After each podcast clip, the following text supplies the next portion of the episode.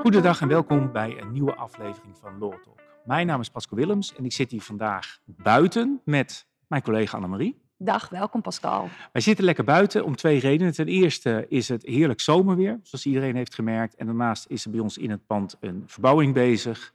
En ons leek een achtergrondgeluid van zingende vogeltjes nog altijd beter dan een bouwvakker die volgens mij bezig is tegels van de muur af te slaan, maar volgens mij de halve muur meeneemt aan het geluid te horen. Ik vroeg of het goed ging en toen was het heel even stil. En toen zei ze, ja, volgens mij wel. Dus ik heb maar geen blik geworpen in de ruimte. En ik vertrouw erop dat ze weten waar ze mee bezig zijn. Ik wou zeggen, dat, dat biedt weinig vertrouwen. Maar goed, we, we gaan het merken. Ehm, volgens mij eind eh, deze week of zo eh, moeten ze klaar zijn. Dus misschien de volgende podcast gewoon weer eh, vanuit ons kantoor. Maar nou, mochten jullie de achtergrondgeluiden hier leuk vinden bij eh, Kasteel de Horst, vogeltjes en af en toe misschien een hond die langskomt, dan eh, horen we het graag. En kunnen we wellicht ook eh, tijdens droge periode buiten opnemen. Maar waar we het vandaag over gaan hebben is niet over het weer, maar over een aantal nou ja, actuele wetgevingsonderwerpen. Eh, we, we naderen het zomerreces. Ehm, dan komen er altijd wel nieuwe plannen naar voren. Ehm, die willen we met jullie bespreken, eh, maar ook wetgeving, en daar beginnen we mee, die al nou ja, behoorlijk lang eigenlijk op de plank ligt. Sterker nog, al is aangenomen. Sterker nog, al eh, een jaar of zeven gewoon letterlijk in de wettekst al op deze manier staat opgenomen. Eh, precies, het wordt steeds cryptischer. Maar pas vanaf nu, en nu is 1 juli 2023, eh, in werking treedt. En dat is, trommelgeroffel, De, wet werken na de AOW-gerechtigde leeftijd. En dan niet de wet zelf, maar eigenlijk de termijn die daarin stond opgenomen. Onder andere voor het moeten doorbetalen van het loon bij ziekte van een AOW-gerechtigde werknemer. Ehm, in de wet staat namelijk al vanaf 2016 dat dat zes weken is. Maar ehm, je mocht je daar niet door laten verleiden als werkgever, want het was nog steeds 13 weken. precies. Dat, sindsdien stond dat al in de wet. Er stond eh 13 weken en 6 weken, maar de inwerkingtreding van die 6 weken termijn werd nog steeds maar uitgesteld. En eh, de achterliggende reden was dat er toch nog angst was of dat als het naar 6 weken ging, of dat leidde tot verdringing op de arbeidsmarkt. Ja, volgens mij het idee hè, dat je dan dus sneller een AOW-gerechtigde werknemer zou aannemen. Want als die ziek werd, zou je maar zes weken lang het loon bij ziekte hoeven door te betalen. Terwijl als jij iemand van 60 op die plek zou aannemen, zou je wel gewoon aan de gebruikelijke 104 weken vastzitten als werkgever. Precies. En dus is gezegd van nou, dan, dan laten we die regel nog niet ingaan. Maar ik denk, eh, nou ja, de arbeidsmarkt is nu dusdanig dat de nood hoog is. En dat dus ook die angst, denk ik, is, eh, is weggeëpt. Ja, en kennelijk is ook uit het evaluatieonderzoek, wat uiteindelijk in november 2020 heeft plaatsgevonden, naar voren gekomen dat er geen verdringing plaatsvindt. En ehm, eerst zou de wijziging ook eh, al eerder ingaan. Alleen, hoe verrassend, het UWV gaf aan, ja, maar dat kunnen wij niet bolwerken als er nu het een en ander gaat veranderen. Dat had te maken met, eh, met, met de ziektewet ook. Dus eh, uiteindelijk is het nu bepaald op 1 juli 2023. Er is wel overgangsrecht. Dus als een eh, AOW-gerechtigde werknemer op 30 juni, mogen we mooi zeggen, juni, ziek wordt, dan moet je als werkgever wel 13 weken lang loon bij ziekte doorbetalen. Wordt deze AOW-gerechtigde werknemer op 1 juli, juli ziek, dan is het zes weken. Wordt ziek of is ziek? Ja, dat is een hele leuke discussie. Daar Ja. zouden we volgens mij ook een loltalk over gaan opnemen. Zeker. Maar dat Want doen we dat een is- andere keer, ja. Maar dat is natuurlijk wel straks. Hè. Kijk, bij de meeste gevallen is er gewoon sprake van een ziekmelding. En nemen we dat als start van de wachttijd. En ook dus van eh, het bepalen eh, of deze regel dan geldt of niet. Maar je kan natuurlijk best een situatie hebben dat iemand zich op, ik pak maar even beetje, 14 juli aanstaande ziek meldt. Ja. Eh, maar uiteindelijk blijkt dat hij al op 29 juni ziek was. Hè. En dan valt hij nog steeds onder de oude eh, regel. En eh, kan je dus best nog discussies krijgen over uiteindelijk zeven weken, verschil tussen eh, 13 eh, en 6, zeven weken loon. Eh, onder welke regel eh, viel je? Nou ja, en natuurlijk ook, het is niet alleen de loondoorbetaling bij ziekte die van 13 dus nu echt ook naar 6 gaat, maar ook het opzegverbod. Het opzegverbod bij ziekte is daar ook aan gekoppeld, dus dat is ook zes weken. Ehm, en ehm, hè, voor, voor AOW-gerechte werknemers heb je natuurlijk ook nog andere nou ja, voordelen, zoals dat heet, dat er geen transitievergoeding in principe hoeft te worden betaald als jij ehm, hè, bent doorgegaan met deze, met deze werknemer. Maar goed, misschien moeten we daar een keer, als daar interesse in is, een, een aparte podcast, een aparte law talk over maken. Over hoe je nou uh, het beste om kunt gaan met de AOW-gerechtigde werknemer als je die uh, in loondienst hebt. Ja. Maar wat nu inderdaad onze, onze mededeling is van joh, let op, per 1 juli zes weken. Dus eigenlijk gaan we nu toepassen wat er al al die tijd vanaf 2016 in de wetsbepaling stond op dit punt. Ja, overigens deze, deze nieuwe regel hebben ze al uh, begin van dit jaar uh, aangekondigd. Hè? En ja, de verzamelwet uh, SZW 2023. Ja. Precies, daar in dat kader en de ontwerpbrief. Uh, dus eigenlijk ligt dit al een paar maanden op de plank. Maar goed, omdat 1 juli nu aankomt en we ook her en der berichten voorbij zagen komen van let op, dit gaat gebeuren, vond het ook wel, uh, wel goed om dat even onder de aandacht te brengen. Dus nou ja, dat zeg maar rafelrandje wat in de wet stond, uh, is hiermee opgelost. Um, overigens liggen nog heel veel rafelrandjes in die wet die uh, nog voorlopig niet zijn opgelost. Nou, misschien komen we daar nog een andere keer op terug. Een andere uh, ja, ontwikkeling die eraan zit te komen, die is aangekondigd door minister van Gennep, die overigens, ja. ja laat ik zeggen, zeer actief is in allerlei plannen.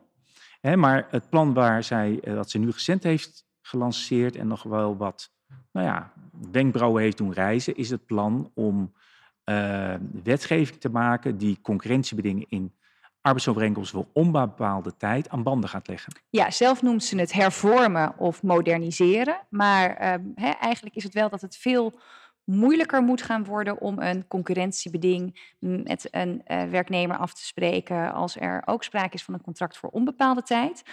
En um, ik weet niet wat jij dacht, Pascal, toen je dit las, maar um, Zelfs bij mij, terwijl ik geen grijze haren heb, dacht ik, dit heb ik eerder gezien. Ja. Of in ieder geval onderdelen van dit plan. Ja. En het was heel lang geleden. Het, het heeft heel lang, heel lang op de plank gelegen toen. En toen is het uh, volgens mij... Uh, in 2006 door de Eerste Kamer is een dergelijk plan al uh, de prullenbak ingegooid. Je hebt er nog grijzere haren dan ik. Want zover ging mijn herinnering niet terug. Maar ik wist wel dat dit al heel lang op de plank toen heeft gelegen. Um, concurrentiebeding heeft al, nou ja, ik zou bijna zeggen, altijd ter discussie gestaan. Omdat het een een, nou ja, een lastig element is. Hè? Je, zou ja, je zeggen... bindt eigenlijk de werknemer best wel vergaand. Terwijl je niet meer hè, als werkgever en werknemer in die verhouding tot elkaar staat. Ja, en tegelijkertijd zijn er best wel situaties denkbaar dat je als werkgever echt wel een groot belang hebt om een werknemer eraan eh, te binden. Absoluut. Hè? En dan, uh, hier hebben we het over het concurrentiebeding aan zich, dus dat je niet bij een concurrent mag gaan werken. De vraag hoe zich dat dan weer verhoudt tot een relatiebeding, hè? dat is altijd een, een discussie. Die twee zitten vaak in elkaars uh, verlengde. Ja, kijk, in principe heeft de Hoge Raad natuurlijk gezegd dat een relatiebeding een vorm van een concurrentiebeding is. Maar Juist. wat mij dan opvalt inderdaad in de brief van de minister van 2 juni die, uh, die is uitgegeven, is dat er met geen woord gerept wordt over het relatiebeding. Nee. Dus moet je dit nu één op één, hè, dus ook voor het relatiebeding toepassen, of gaan ze nu toch daar wel een onderscheid in maken? Ja, ik heb het, het gevoel dat ze alvast een soort vooraankondiging doet om iedereen alvast een beetje uh, de oren te doen spitsen. Want het is uiteindelijk vooraankondiging dat ze met een wetsvoorstel komt, dat ze eind dit jaar ter internetconsultatie gaat voorleggen. Ja. Dus het is wel iets dat ze weet van oké, okay, dit gaat wel wat uh, nou ja, rumoer brengen. Dus ik kondig het maar vast aan, dan ontstaat er al wat, wat discussie. Um, dan wordt er alvast wat over nagedacht. Uh, misschien in achterkamertjes dingen besproken. Nou ja, en, en eigenlijk borduurt ze een beetje voort op, op wat haar voorganger uh, Wouter Koolmees in, in, in de zomer van 2021. Hè, die heeft ook een hele uitvoerige uiteenzetting toen gedaan over het, uh, over het concurrentiebeding. En zij, Van Gennep, die verwijst ook naar dus het onderzoek van het onderzoeksbureau toenertijd. Van ja, Eigenlijk wordt het een soort van standaard gebruikt inmiddels. Er worden hier zelfs gegevens, volgens mij ja, cijfers genoemd. Op de drie. Ja, 37 procent wordt gewoon aan een concurrentiebeding gebonden. En 1 op de 3 hanteert het gewoon altijd als een standaardclausule. Ja. Uh, terwijl werknemers uh, vaak geen toegang hebben tot kennis en relaties, daar noemt ze het wel, die de concurrentiepositie van de werkgever kunnen schaden. Ja, nou ja, dat, dat is natuurlijk wel waar. In standaard arbeidsovereenkomst wordt het altijd wel opgenomen. Mijn ervaring is overigens ook dat als een werknemer vertrekt, dat een werkgever best vaak, als hij daar geen risico in ziet, uh, genegen is om te zeggen van, nou ja, ik, uh, ik zal je er niet aan houden of geen gedoe. Waar het natuurlijk wel voor gebruikt wordt, en ten onrechte, en dat zegt de minister ook, hè, 35% van de werkgevers gebruikt het om schaars personeel vast te houden. Ja. Het wordt een soort ja, ketting. Ik weet niet eens of die van goud is of van lood. Kan beide. Ligt eraan aan welke kant je staat. Ja, precies. eh, waar het niet voor bedoeld is. En dat is natuurlijk juist, dat, dat gebeurt vaker. Het, het is, soms zit het ook wel op een, ja, zit het zowel op dat behouden daarvan, maar ook wel het beschermen van iets, dat het op verschillende elementen ziet. En dat maakt het eh, best een lastig middel. Ehm, ook omdat de mogelijkheden, bijvoorbeeld als je ge- geïnvesteerd hebt in een personeelslid, in eh, scholing en Ja. dergelijke, om, om daar dan wat mee te doen. Nou ja, en dat, dat vind ik wel een goed punt. Ehm, want inderdaad, hè, dat, dat behouden van, van eh, werknemers die heel schaars zijn, daar is nu door een aantal hoven echt wel heel expliciet van gezegd. Hè, het concurrentiebeding is niet bedoeld om dergelijke werknemers te binden. En het feit dat ze bij jou ervaring opdoen, ja, daar profiteer jij ook weer van als jij iemand in dienst neemt met ervaring. Alleen, ehm, het zit hem juist op dat punt. Hè. Je investeert in, in scholing, noem maar op. We hebben natuurlijk vorig jaar hebben we nieuwe, strengere wetgeving gekregen over het kunnen afspreken van een studiekostenbeding. Terwijl ik heb nog bij het Hof Amsterdam gestaan in 2021 en daar werd gezegd, ja, maar dat concurrentiebeding, u kunt toch een studiekostenbeding dan Volgens mij zijn bekende hoogleraar dat nog tegen jou, die toen in het hof zat. Jazeker, die zei dat tegen mij. En dan, hè, als je dan ziet welke wetgeving er een jaar later ligt, ehm, ja, dan snap ik best wel dat het voor werkgevers dan heel lastig is om te zeggen, ja, maar het is een combinatie van factoren. Het is en hè, bepaalde eh, klantcontacten, bepaalde relaties waar iemand eh, mee eh, vanuit, vanuit mijn organisatie zaken deed. Maar ook wel dat stukje investeren in, in het opdoen van kennis. Soms is er ook een bepaald ja, werkproces. Of, of hè, kent iemand alle calculaties? Zijn de offertes, de prijzen bekend? Het is, het is best wel heel feitelijk hoe er ook geoordeeld wordt in de rechtszaal. Er wordt, vind ik, tegenwoordig heel kritisch gekeken door de rechter naar van maar werkgever, wat is dan uw belang om de werknemer hier aan te houden? Terwijl, nou, een jaar of tien geleden kwam je met, hè, de, hè, dat je met, met het adagium, nou, pacta sunt servanda, afspraak is afspraak, zeiden we dan heel stoer. Dus werknemer, laat jij maar zien dat Ja. je echt hele goede argumenten hebt om er vanaf te komen. Nee, die tijd is, is zeker al lang voorbij. En ehm, kijk, als je als werk... Nou ja, laat ik zo zeggen, wat wel vaak wordt vergeten... is dat een werkgever een werknemer aan een scholingskostenbeding... of aan een, eh, een concurrentiebeding niet alleen maar houdt... omdat hij dat zelf nou zo leuk vindt. Maar dat is vaak natuurlijk ook om het bedrijf te beschermen. In het bedrijf werken ook weer andere mensen. Ja, precedentwerking voorkomen. Dat ja. ook, maar ook voor het bedrijfsgebied. En het bedrijfsgebied bepaalt mede weer het inkomen van alle medewerkers.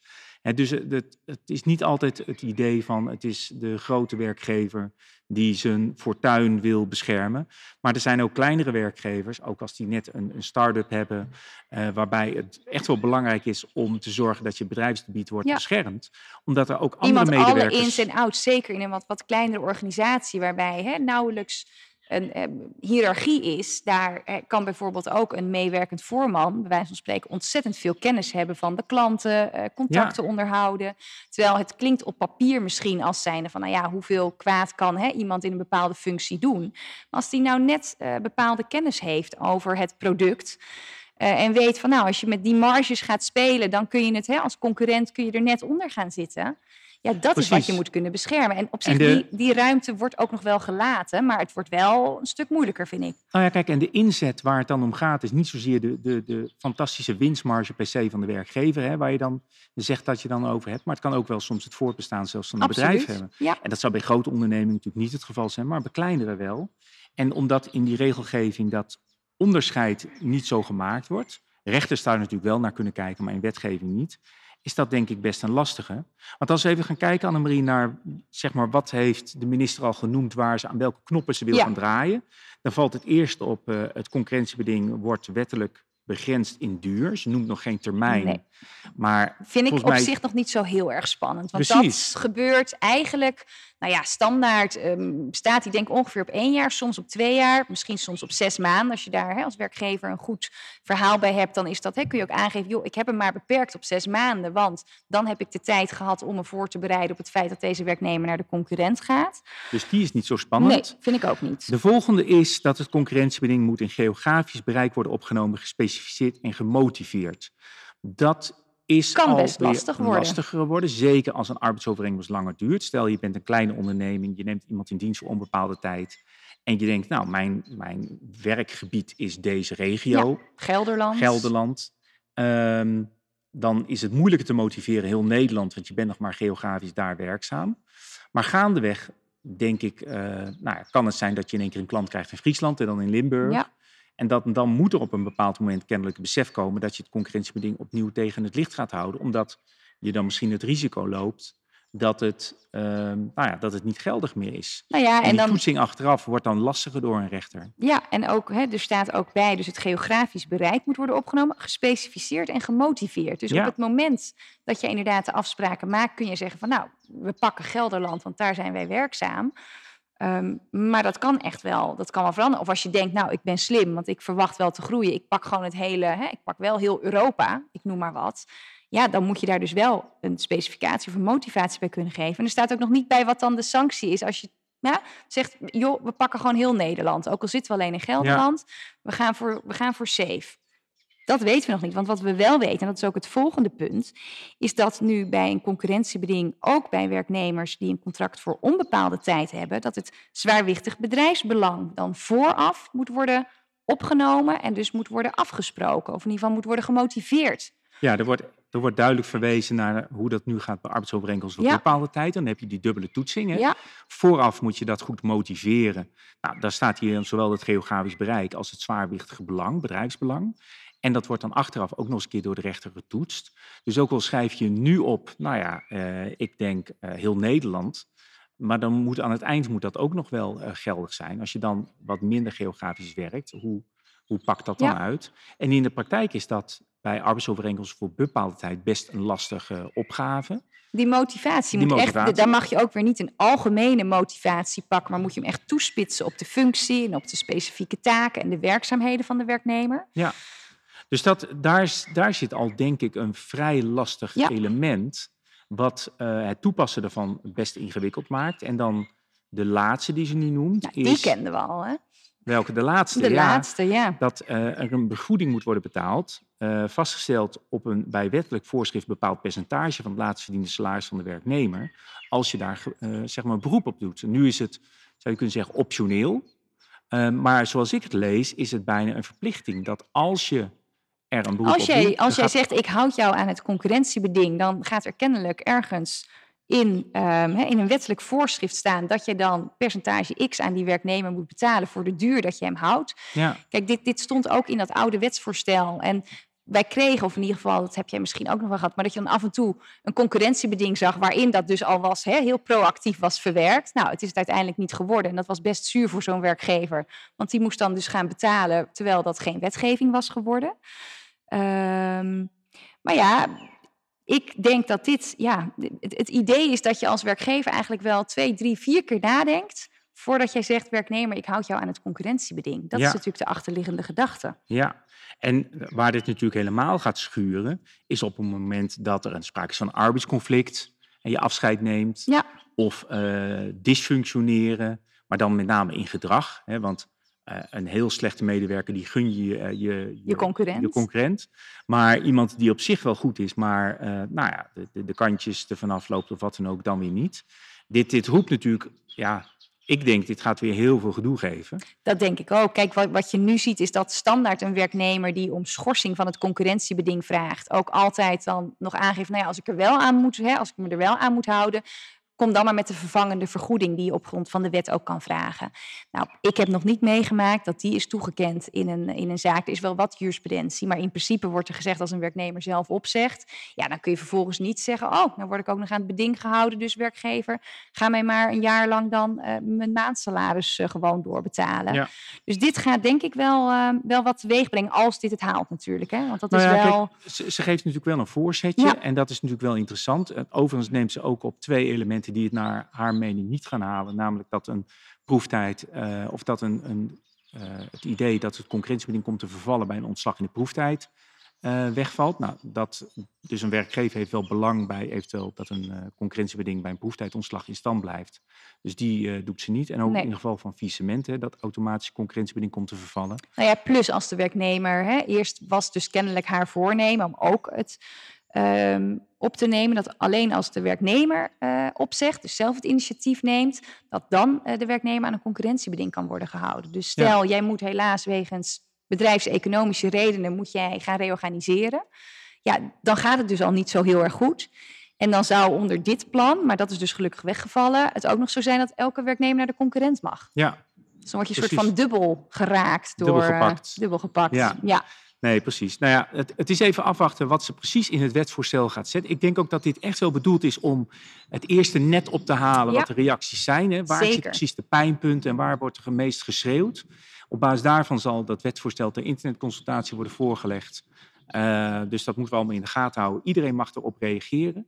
Het is een kwestie van een briefje sturen of een mail. Ja, volgens mij is het uploaden. zelfs eh, bijna digitaal. Het is Ja. op zich namelijk best wel aardig als je een keer bij een wetsvoorstel de, de commentaren leest. Want dat is inderdaad een, een MKB, een VNO-NCW. Maar ook eh, de bakker op de hoek mag bij wijze van spreken ook zeggen wat hij ervan vindt. Ja. En dat is best wel aardig als je soms een beetje door die reacties scrolt. Wat er aan diversiteit eh, binnenkomt qua, qua ideeën bij een wetsvoorstel. Ja, en ik zie het ook wel bij de memorie van toelichting bij wetsvoorstellen zie ik het terugkomen. En dat er wel uitgeciteerd Ja. wordt, uit benoemd wordt wat er eh, opgehaald is weer bij het internetconsultatie. In ieder geval, ze doet het in dat opzicht wel, zou je kunnen zeggen, zorgvuldig. Door het nu alvast aan te kondigen. Dan een net internetconsultatie, dan door de Tweede Kamer heen.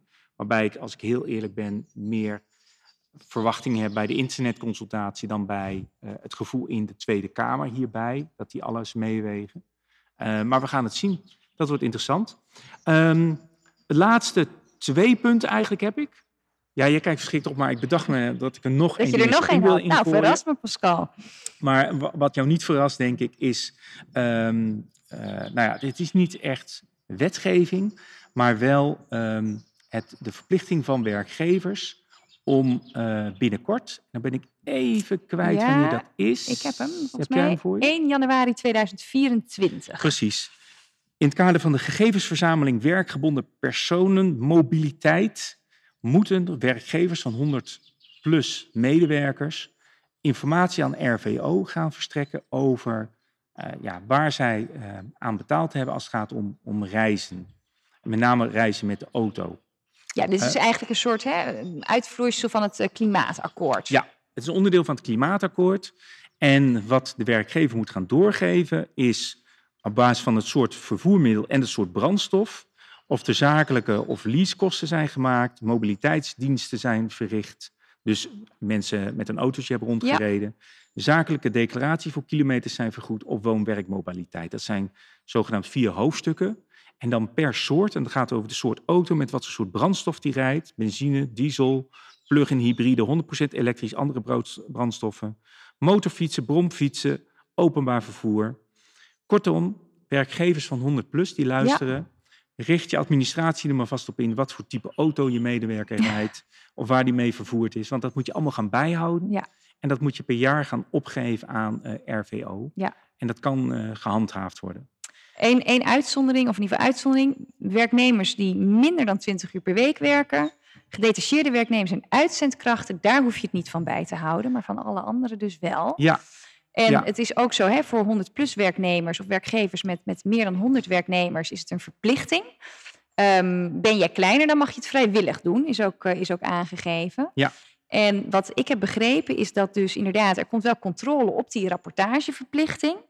En ehm, zoals het dan hè, wordt genoemd, ja, als werkgevers dan goed op koers liggen, dan blijft het bij rapporteren. Maar als het niet lukt om dan dus ook echt die CO2-reductie te gaan behalen, dan kan vanaf 2027 een wettelijke norm worden ingesteld. Ja, en dat zie je wel vaker, hè, dat het eerst ehm, wordt het, zeg maar, nou ja, zo'n soort, ja, het is niet vrijwilligheid voor 100 plus, maar wel een open norm neergelegd. En als dat niet Ja, lukt, er, is, dan... er is nog geen sanctie, Ja.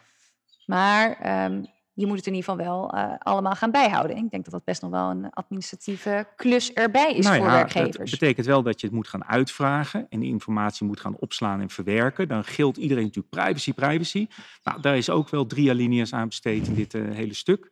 Eh, daar wordt namelijk gezegd van, nou ja, het is een, een verplichting, het is een wettelijke verplichting. Dus u mag dat verwerken in die zin dat u in de administratie, in de salarisadministratie, dat onderscheid mag gaan aanbrengen. Van oké, wat voor tu- voertuig heb je meegereden? En eh, zijn er verschillende voertuigen, moet dat ook worden opgesplitst. Aan het RVO wordt geen persoonsinformatie eh, verwerkt. Hè, dus je geeft het daar niet op persoonsniveau weer. Maar een werkgever moet het wel op persoonsniveau verzamelen en ook verwerken. Ehm, overigens, dat geldt alleen voor de bedrijven van 100 plus. Degene die eh, daaronder vallen, maar het vrijwillig willen doen, daar geldt geen wettelijke grondslag voor. Dus daar moet je allemaal toestemming voor gaan vragen. Oh, ideaal. Ja. Ja. Mijn inschatting is, is dat niemand dat gaat doen. Eh, want waarom zou je dat vrijwillig gaan doen, al die, die sores op je hals willen gaan halen? Ik denk dat de partijen die dat gaan doen zijn, nou, die zijn heel klimaatbewust zijn en daar Ja. echt heel actief mee bezig zijn. En zeggen, nou, dat vinden wij van, van belang. Of als je tegen die 100 aan zit of eromheen zit, dan kan ik me het voorstellen. Voor de rest denk ik dat, ja, heel eerlijk gezegd, een, een zodanig administratieve lastendruk is dat werkgevers daar niet eh, op zitten te wachten. En de uitsmijter van vandaag is eh, meer een soort vooraankondiging, maar eh, is toch even. De meeste van onze luisteraars zitten in nou, de verzuimwereld. En ehm, de minister ehm, heeft natuurlijk het tekort van verzekeringsartsen scherp op de netvlies staan en heeft al gezegd dat ga ik oplossen. Heel ambitieus. ehm, maar op de achtergrond speelt natuurlijk ook het tekort aan bedrijfsartsen. En eh, er, eh, er zoomt rond dat er eh, nou ja, vanuit de minister een soort proef wordt gestart met een nieuwe vorm van taakdelegatie, taakherschikking. Daar wordt aandacht aan besteed. Ehm, dus er, in, in Den Haag is daar nu ook wel aandacht voor. Alleen, daar zijn nog geen contouren van bekend. Maar laat ik zeggen, er komt wat aan. Ehm, en dat zou in de herfst van dit jaar al het geval kunnen zijn. Dat Oh, dan zou een pilot een of pilot gaan gestart gaat draaien, worden. Ja. Ja. En nogmaals, er is nog niet bekend hoe die eruit gaat eh, zien. Eh, maar ik begreep dat ze ook in het werkveld het net aan het ophalen zijn van goh, wat zijn de wensen, mogelijkheden en, en dat soort dingen. Ehm, dus dat wordt eh, heel interessant. ja, zeker. Want de problemen daar eh, nou ja, stapelen zich op. In die zin, de, de, ja, de workload is gewoon heel zwaar. Ehm, en er gebeurt heel veel op dat vlak. Dus ik denk goed dat de minister daar ook naar kijkt. Ehm, al is het ook wel een tijdelijke oplossing. Want we zitten natuurlijk allemaal op ehm, de, de commissie eh Octas te, wachten, ja. te wachten. Die ehm, medio volgend jaar met een, een, ja, een rapport komt met allerlei oplossingsrichtingen. Dus dit zal ook een soort tussenoplossing zijn. Een plakbandje. Een plakbandje, Een- eh, een- een van de vele ja. pleisters die geplakt wordt. Maar goed, beter een pleister dan dat het doodbloed. Toch? Ben ik helemaal met je eens. En dat lijkt me ook een hele mooie afsluiting. Hele mooie afsluiting. We hebben overigens, jullie kunnen het horen, de vogelaars onder jullie zullen ongetwijfeld kunnen horen welke vogel dat is. Eh, ik ben in ieder geval nog niet zover, misschien jij wel. Ja, ik, ik, ik denk een lijster, maar ik durf Ja. het niet met zekerheid te Nee. zeggen. Nou, we vonden net toen we hier net gingen zitten een dode mus hier op de tafel. Eh, die zal het dus niet meer zijn. Ehm, dat gezegd hebben, bedankt allemaal voor het luisteren en graag tot de volgende keer. Tot de volgende keer.